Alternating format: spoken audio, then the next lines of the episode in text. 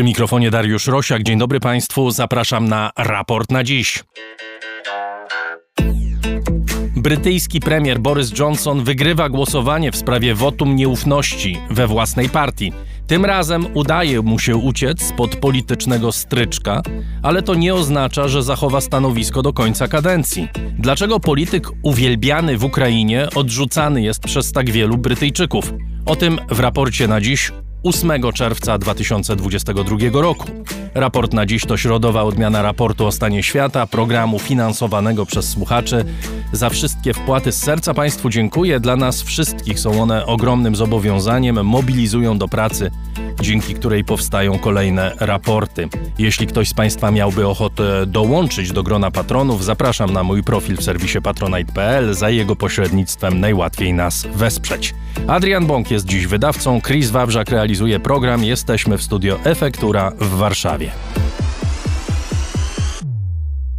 Moim gościem jest dziś Jakub Krupa, polski dziennikarz mieszkający w Londynie, śledzący z bliska od lat brytyjską politykę. Witam cię, dzień dobry. Dzień dobry. Szybko skończyły się te krótkie wakacje związane z jubileuszem królowej. Jeszcze pewnie niektórzy dosypiali skutki imprez, które w ubiegłym tygodniu miały miejsce. Bardzo wiele fantastycznych spotkań i wspólnego biesiadowania, a już w poniedziałek Brytyjczycy wrócili do polityki to w bardzo ostrym stylu. To głosowanie najwyraźniej było skorelowane z jubileuszem królowej, prawda? E, tak, zdecydowanie. Wygląda na to, że partia konserwatywna uznała, że nie chce psuć tego jubileuszu i, i wywoływać potencjalnego kryzysu konstytucyjnego, jeśli nie politycznego e, w trakcie jego trwania, co nie zmienia faktu, że dla samego Borisa Johnsona także ten weekend był już ciężki, bo przecież w piątek pod katedrą świętego Pawła w trakcie obchodów jubileuszu królowej został wybuczany, co nie było um, dla niego, jak sądzę, specjalnie przyjemnym doświadczeniem. Szczególnie jeśli pamiętamy, że zgromadzeni tam ludzie byli, zakład, zakładam, zwolennikami rodziny królewskiej, którzy zazwyczaj tradycyjnie są też wyborcami partii konserwatywnej. W związku z czym sam Boris Johnson e, nie miał powodów do świętowania przez weekend i na pewno, e, kiedy w niedzielę dowiedział się wieczorem um, od przedstawiciela partii konserwatywnej Grahama Brady'ego, że te, tego typu e, głosowanie nad jego przyszłością się odbędzie, mógł mieć trochę, trochę gorszy humor niż, niż na przykład królowa, która przez cały weekend wiemy, że bardzo, bardzo chętnie świętowała z najbliższymi i też pojawiała się przecież na balkonie machała do poddanych. Boris Johnson powodów do machania do poddanych nie miał zbyt wielu. Przypomnijmy, dlaczego w ogóle doszło do rzucenia tego wyzwania premierowi, dlaczego tak duża liczba, my nie wiemy dokładnie ilu podpisało wstępnie list, y, który był w ogóle podstawą tego głosowania, list zawierający realnie rzecz biorąc wotum nieufności złożone przez parlamentarnych y, członków partii y, konserwatywnej, ale co mu zarzucają członkowie partii? Dlaczego go nie lubią? Znaczy wiemy, że wniosek o, o, złożenie tego, tego głosowania musiało podpisać co najmniej 54 posłów partii konserwatywnej, w związku z czym pod tym względem e, wiemy, że ta liczba była dość istotna i dość znacząca.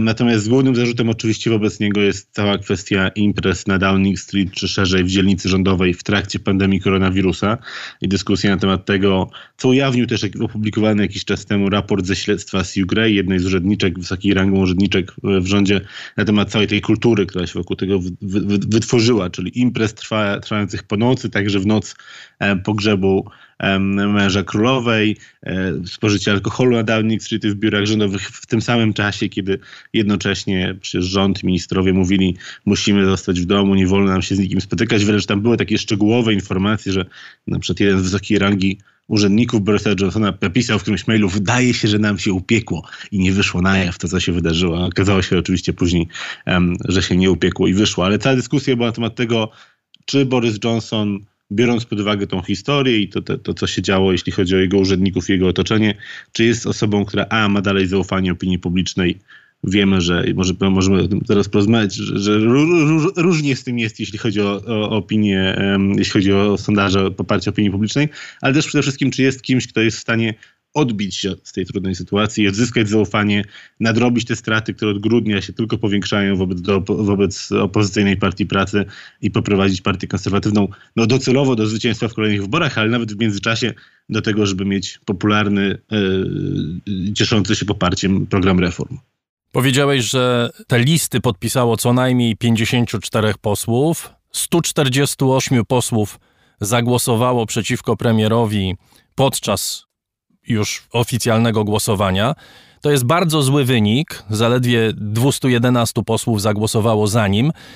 To jest bardzo zły wynik, tym bardziej jeśli się weźmie pod uwagę, że w tym gronie było cała grupa posłów będąca częścią administracji, czyli pobierających pieniądze, których życie zależy od tego, czy zagłosują za tym premierem, czy nie zagłosują za nim, prawda? To jest y, słaby wynik, gorszy niż ten, który uzyskała Theresa May, kiedy poddana została takiej samej próbie kilka lat temu. Absolutnie. Cały ten system odwoływania lidera partyjnego, bo to musimy podkreślić, że to jest proces partyjny, to nie jest proces parlamentarny, ogólnoparlamentarny, to jest proces czysto partyjny. daje taką przewagę temu, kto się broni, bo zawsze ma właśnie tych 100, mniej więcej w przypadku Johnsona to jest około 160 posłów, którzy są częścią rządu w takiej czy innej formie, albo są ministrami, albo są jakimiś wysłannikami handlowymi, albo mają jakieś inne mniej lub bardziej honorowe stanowiska w rządzie, które sprawiają, że powinni czuć wobec niego lojalność. W związku z czym, jeżeli mamy tych posłów tam 359, potrzebujemy 180 głosów, no to mając 160 głosów teoretycznie w kieszeni, wydawałoby się, że taka obrona powinna być bardzo prosta. Ale po pierwsze, głosowanie jest tajne. Być może część z tych ministrów się wyłamała. Nie musieli się przyznawać. Publicznie tylko około 150 zadeklarowało poparcie dla Johnsona. Mm, ale po drugie, faktycznie jakby tak, jeżeli chodzi o to, że jeżeli spojrzymy na to, jak głosowali ci, którzy nie są, których kariera polityczna bezpośrednio nie jest związana z Johnsonem, a, a nawet być może oni tak uważają, że być może y, dla ich kariery politycznej byłoby lepiej go usunąć, bo poprawiłoby to to szanse polityczne e, partii, no to tam e, Johnson ewidentnie nie ma, nie ma poparcia i to porównanie czy z May, czy z Majorem, czy z Thatcher, którzy też mierzyli się w różnych momentach swojej kariery z takimi głosowaniami, no, wypada zdecydowanie niekorzystnie dla Johnsona. No i Trudno też pozbyć tego porównania, prawda, że Teresa May miała, miała podobne głosowania wotum nieufności od swojej partii, wygrała je zdobywając dwie trzecie głosów, czyli dużo, dużo lepsze wyniki niż Borisa Johnsona. E, pół roku później nie było na Downing Street. E, są, są różnice pomiędzy tymi sytuacjami. Jakby Johnson dalej ma stabilną większość parlamentarną, Teresa May nie miała, sama ją straciła w wyborach parlamentarnych.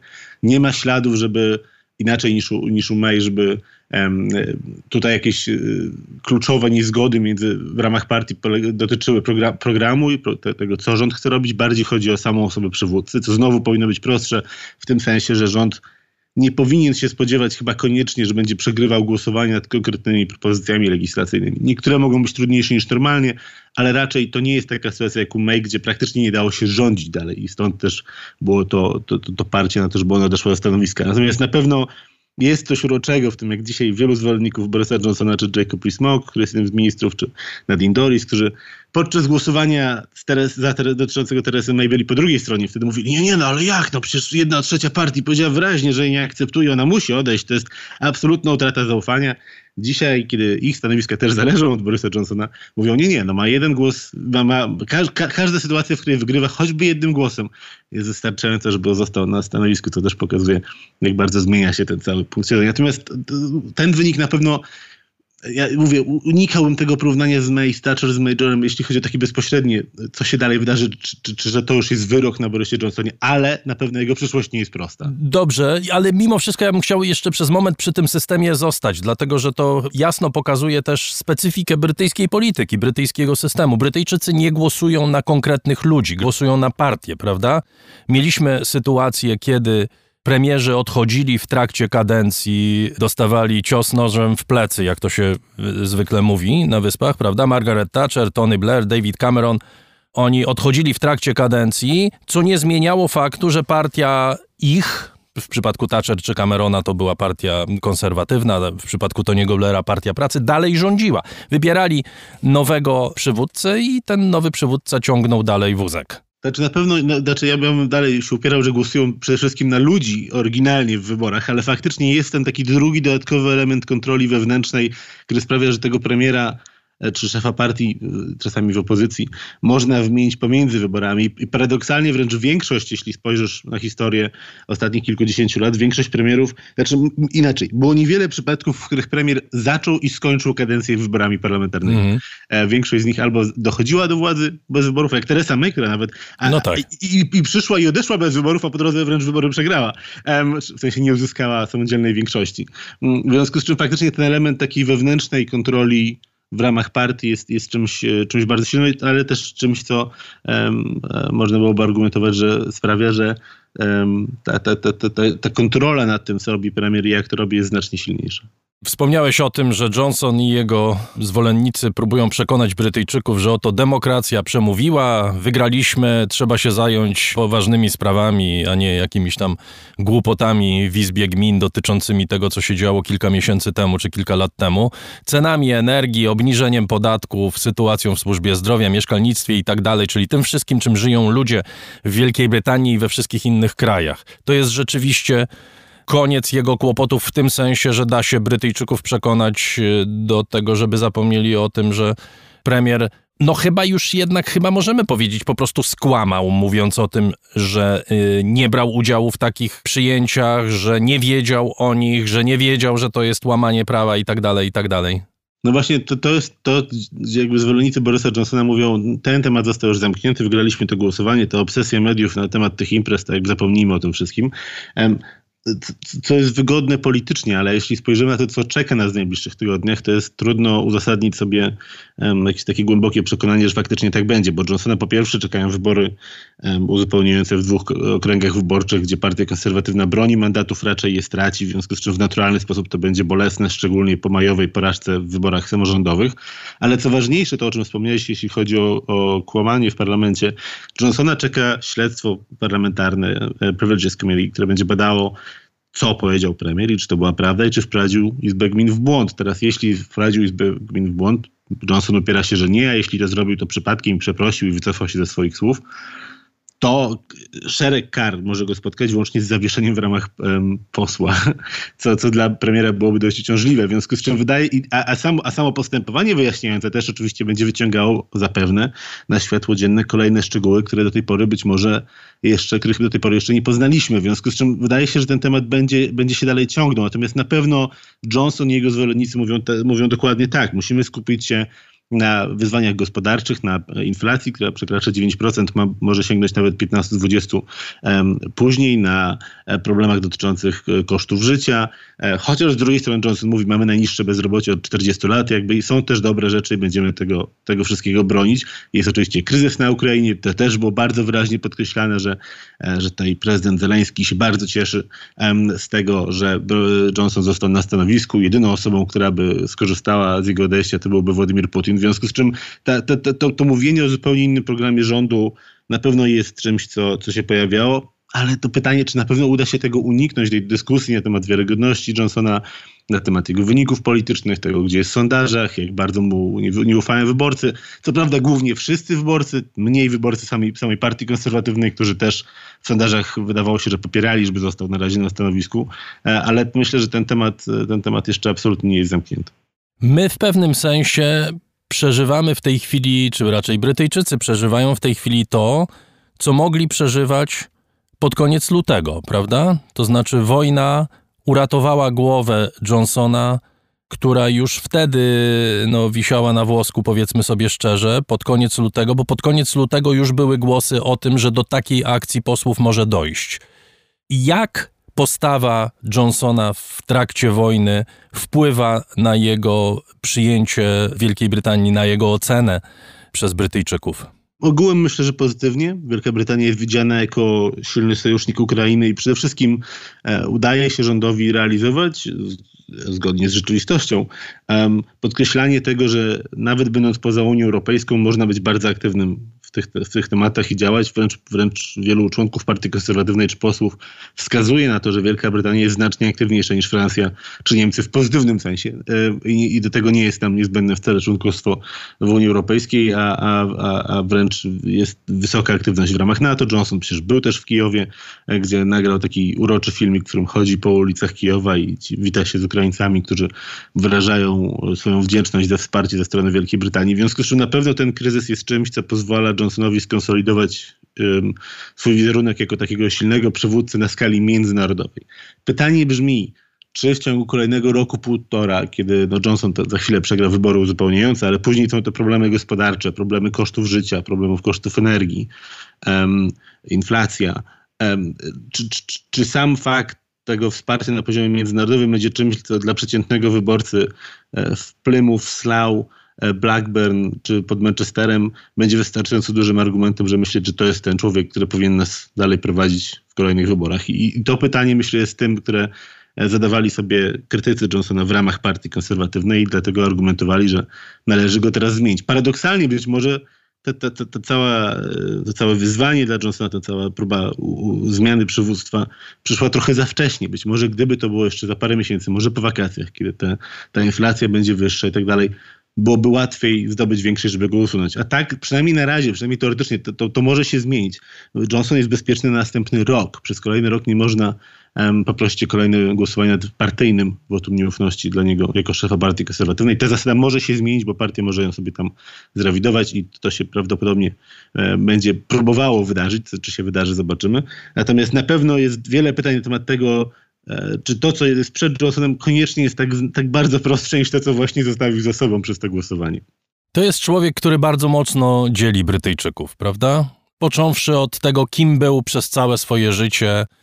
Teraz się pojawiają przy okazji różnych kryzysów, od samego początku zresztą pojawiają się dokumenty, filmy na temat jego postawy w czasie studiów na temat e, tego, w jaki sposób traktował współpracowników, na temat jego rasizmu, na temat kłamstw, które wypisywał jako dziennikarz, na temat stosunku do podwładnych, stosunku do kobiet itd., tak itd. Tak On wywołuje e, wśród ludzi skrajne emocje, prawda? Absolutnie tak. I to jest, to jest niebywały fenomen polityczny, bo jeśli pomyślimy o, o, o polityku o takiej historii, którą właśnie opisałeś, o którym nawet do końca nie, nie wiemy jakby ile ma dzieci, bo jakby to nie jest informacja publiczna. Wiemy, że jest gdzie, gdzieś pomiędzy 5 a 7. Ile dokładnie, to nikt tego, nikt tego nie wie. No tak, no to trochę jako prezydencie Zoomie z Republiki Południowej Afryki, prawda? Jakby to nie, to nie jest typowy lider partii konserwatywnej e, pod tym względem. I, I, natomiast z drugiej strony też wiemy, że jest politykiem, który potrafi bardzo zmieniać twarz. Pamiętajmy, że jak był liderem e, czy, czy merem Londynu, to był tym progresywną twarzą miasta. Pokazywał cały czas, że e, jakby właśnie otwartość na świat, otwartość na otwartość na emigracji między innymi też, co później, jak wiemy, zmienił w trakcie kampanii referendalnej. W końcu wygrał w tym Londynie dwa razy, które jest miastem, w którym teraz bardzo jednoznacznie e, dominuje Partia Pracy. W związku z czym ta, ta jego zdolność do takiego przybieranie skóry kameleona i zmiany tych barw i, i, i, i, wygrywania wyborów. No jakby tego nie da się, nie da się odebrać. Najlepszy wynik wyborczy od kilkudziesięciu lat w 2019 roku, tuż po tym, jak Teresie May się to nie udało dwa lata wcześniej. W związku z czym pod tym względem um, wielu członków partii konserwatywnej patrzy na niego po prostu jako na kogoś, kto jest sprawdzony w wyborach, potrafi wygrać wybory i dla tych dołów partii konserwatywnej je, I to właśnie, jest czy był bardzo popularny. Ostatnie badania pokazują, że był. Nawet, nawet doły partii konserwatywnej są raczej zmęczone jego zachowaniem. Natomiast znowu, Boris Johnson wychodzi z tarapatów regularnie co parę lat w swojej karierze. Pamiętajmy, że zaczynał swoją karierę publiczną od tego, że został wyrzucony z gazety za kłamanie w tekstach, które pisał. W związku z czym, czy, czy to jest punkt, z którego nie ma już powrotu? Ja bym się nie był gotów założyć. E, Boris Johnson wiemy, że ma zdolności wychodzenia z takich terapatów, natomiast na pewno są przed nim cały czas trudne miesiące i, i to nie jest koniec tej historii. Wbrew temu, co on i jego zwolennicy chcieliby, żebyśmy e, dzisiaj uwierzyli, to nie jest koniec tej historii. No to tak jak wspomniałeś, jego głównym atutem jest chyba to, że ma jednak 80-osobową przewagę e, w Izbie Gmin i każdy konserwatysta, który będzie chciał go odwołać, dwa razy się zastanowi. Czy mamy alternatywę, która nam zapewni nawet nie zwycięstwo w takim stopniu, tylko w ogóle czy nam zapewni zwycięstwo nad partią pracy? To jest myślę, że kluczowe pytanie, które zadają sobie ci posłowie, bo tak, oni na razie się zastanowią nad tym, czy na pewno chcą tutaj cokolwiek zmieniać, biorąc pod uwagę tą większość w Izbie Gmin, ale z drugiej strony wiedzą, że w sondażach są 5, 6, 7, 8 punktów za partią pracy.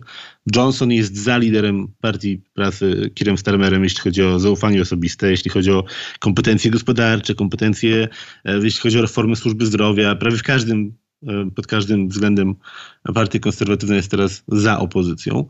E, I im bliżej będziemy tych wyborów, które no, teraz został zniesiony ten, ta, ta ustawa, która ustanawiała jakby stałe ramy, że tak powiem, kadencji, więc znowu to może się wydarzyć praktycznie w każdej chwili, ale, ale teoretycznie najpóźniej w, w styczniu 2025 roku, no to im bliżej tego momentu, tym więcej, większa liczba posłów będzie zastanawiała się, Czy my naprawdę chcemy ryzykować swoją karierę polityczną na to, że Boris Johnson będzie dalej brnął jak ten lodołamacz bez żadnego zastanowienia się nad tym, czy, czy kogoś nie obrazi, czy kogoś nie urazi, czy, te, czy, czy, czy, to, czy to na pewno jest ten, ten dobry moment. W związku z czym potem myślę, że będziemy obserwowali tarcia wewnątrz partii w dalszym ciągu. I jest grupa polityków, którzy, którzy chcieliby go zastąpić w ramach, oczywiście nie tylko lider opozycji Keir Starmer, ale też w ramach partii jest Jeremy Hunt, który poprzednio, e, który poprzednio przegrał z Borysem Johnsonem e, w wyborach, jeśli chodzi o przywództwo w partii. Jest też na przykład Tom Tugendhat, szef Komisji Spraw Zagranicznych, ale jest też na przykład Liz Truss, obecna szefowa brytyjskiego MSZ-u, która właśnie bardzo aktywnie działa w kwestii ukraińskiej, też podkreślając swoje jakby wiarygodność jako lidera, jako kogoś, kto jest w stanie poradzić sobie z trudną sytuacją. Więc jest lista kandydatów, kandydatów, którzy na pewno są gotowi. Część z nich dzisiaj bardzo chętnie zapewnia z tym, jak bardzo lojalni są wobec Borysa Johnsona, ale e, założyłbym się, że gdyby wynik tego głosowania poniedziałkowego był nieco inny, to oni już mają taki segregator leżący na ich biurku gdzieś, który tylko otworzą i wiedzą, do kogo zadzwonić, żeby zacząć swoją kampanię natychmiast. Jeszcze Kuba, na koniec takie generalne pytanie. My cały czas mówimy o kryzysie polityki europejskiej i czasami wspominamy o kryzysie e, polityki brytyjskiej, o upadku prestiżu tego kraju na świecie. Mamy właśnie kryzys polityczny, chwilowo zażegnany, który wynikł z powodów czysto etycznych, prawda? To znaczy, tu nie chodzi o nic innego, tylko o to, że premier nie zachował takich standardów, których wymagał od narodu. Premier i jego otoczenie. Jestem w stanie pomyśleć o kilku krajach, jeden zwłaszcza mi przychodzi do głowy, na przykład Polska, w którym tego typu rzecz, że ktoś w pandemii, ktoś z rządu w pandemii zachowuje się inaczej niż y, wymaga tego od reszty obywateli, po prostu staje się tematem na, na dwa dni albo może nawet krócej. Tutaj o mało nie doszło do odwołania premiera ze stanowiska lidera partii. To chyba świadczy o tym, że ta polityka brytyjska gdzieś tam głęboko wcale w tak fatalnym stanie się nie znajduje. Ja myślę, że część Twoich słuchaczy w tym momencie będzie nas oskarżała o jakąś absurdalną, ang anglofilską postawę, ale ja się absolutnie z tą zgadzam. Ja jestem winny temu. Ja, ja też przyznaję się do stawianych zarzutów. W związku z czym pod tym względem um, idea, że konflikt czy napięcie polityczne, które widzimy w Wielkiej Brytanii od lata, od 2016 to praktycznie nieprzerwanie, jest, jest, jest e, symbolem kryzysu w znaczeniu upadku, czy kryzysu w znaczeniu czegoś strasznie złego, nie jestem pewien, czy ja to kupuję. Jakby system, który radzi sobie z, te, z, tego typu napięciami w ten sposób, który najpierw blokuje porozumienia brexitowe trzy razy w parlamencie, później teraz w ten sposób sobie radzi z kryzysem etycznym z premierem, który jednak mierzy się z tą gigantyczną presją w ramach swojej własnej partii. Pamiętajmy, to nie jest tylko tak, że to jest opozycja na podstawie sondaży, to jest jego własna partia, która próbuje coś takiego zrobić. Dla mnie to jest jednak cały czas znak tego, że Wielka Brytania ma się całkiem nieźle. Nawet jeśli faktycznie, jak wszędzie, te standardy się trochę zmieniają, e, pewnie pogarszają. Natomiast myślę, że ci, którzy patrzą na to i widzą w tym upadek Wielkiej Brytanii, e, myślą bardzo, pewnie dla siebie życzeniowo, ale, ale wydaje mi się, że po prostu błędnie. Dziękuję bardzo. Jakub Krupa, polski dziennikarz mieszkający w Londynie, był gościem raportu na dziś. Dziękuję. To prawie wszystko w tym wydaniu raportu na dziś. Zapraszam na sobotę na główne wydanie raportu i jeszcze raz serdecznie dziękuję patronom za wsparcie. Do usłyszenia.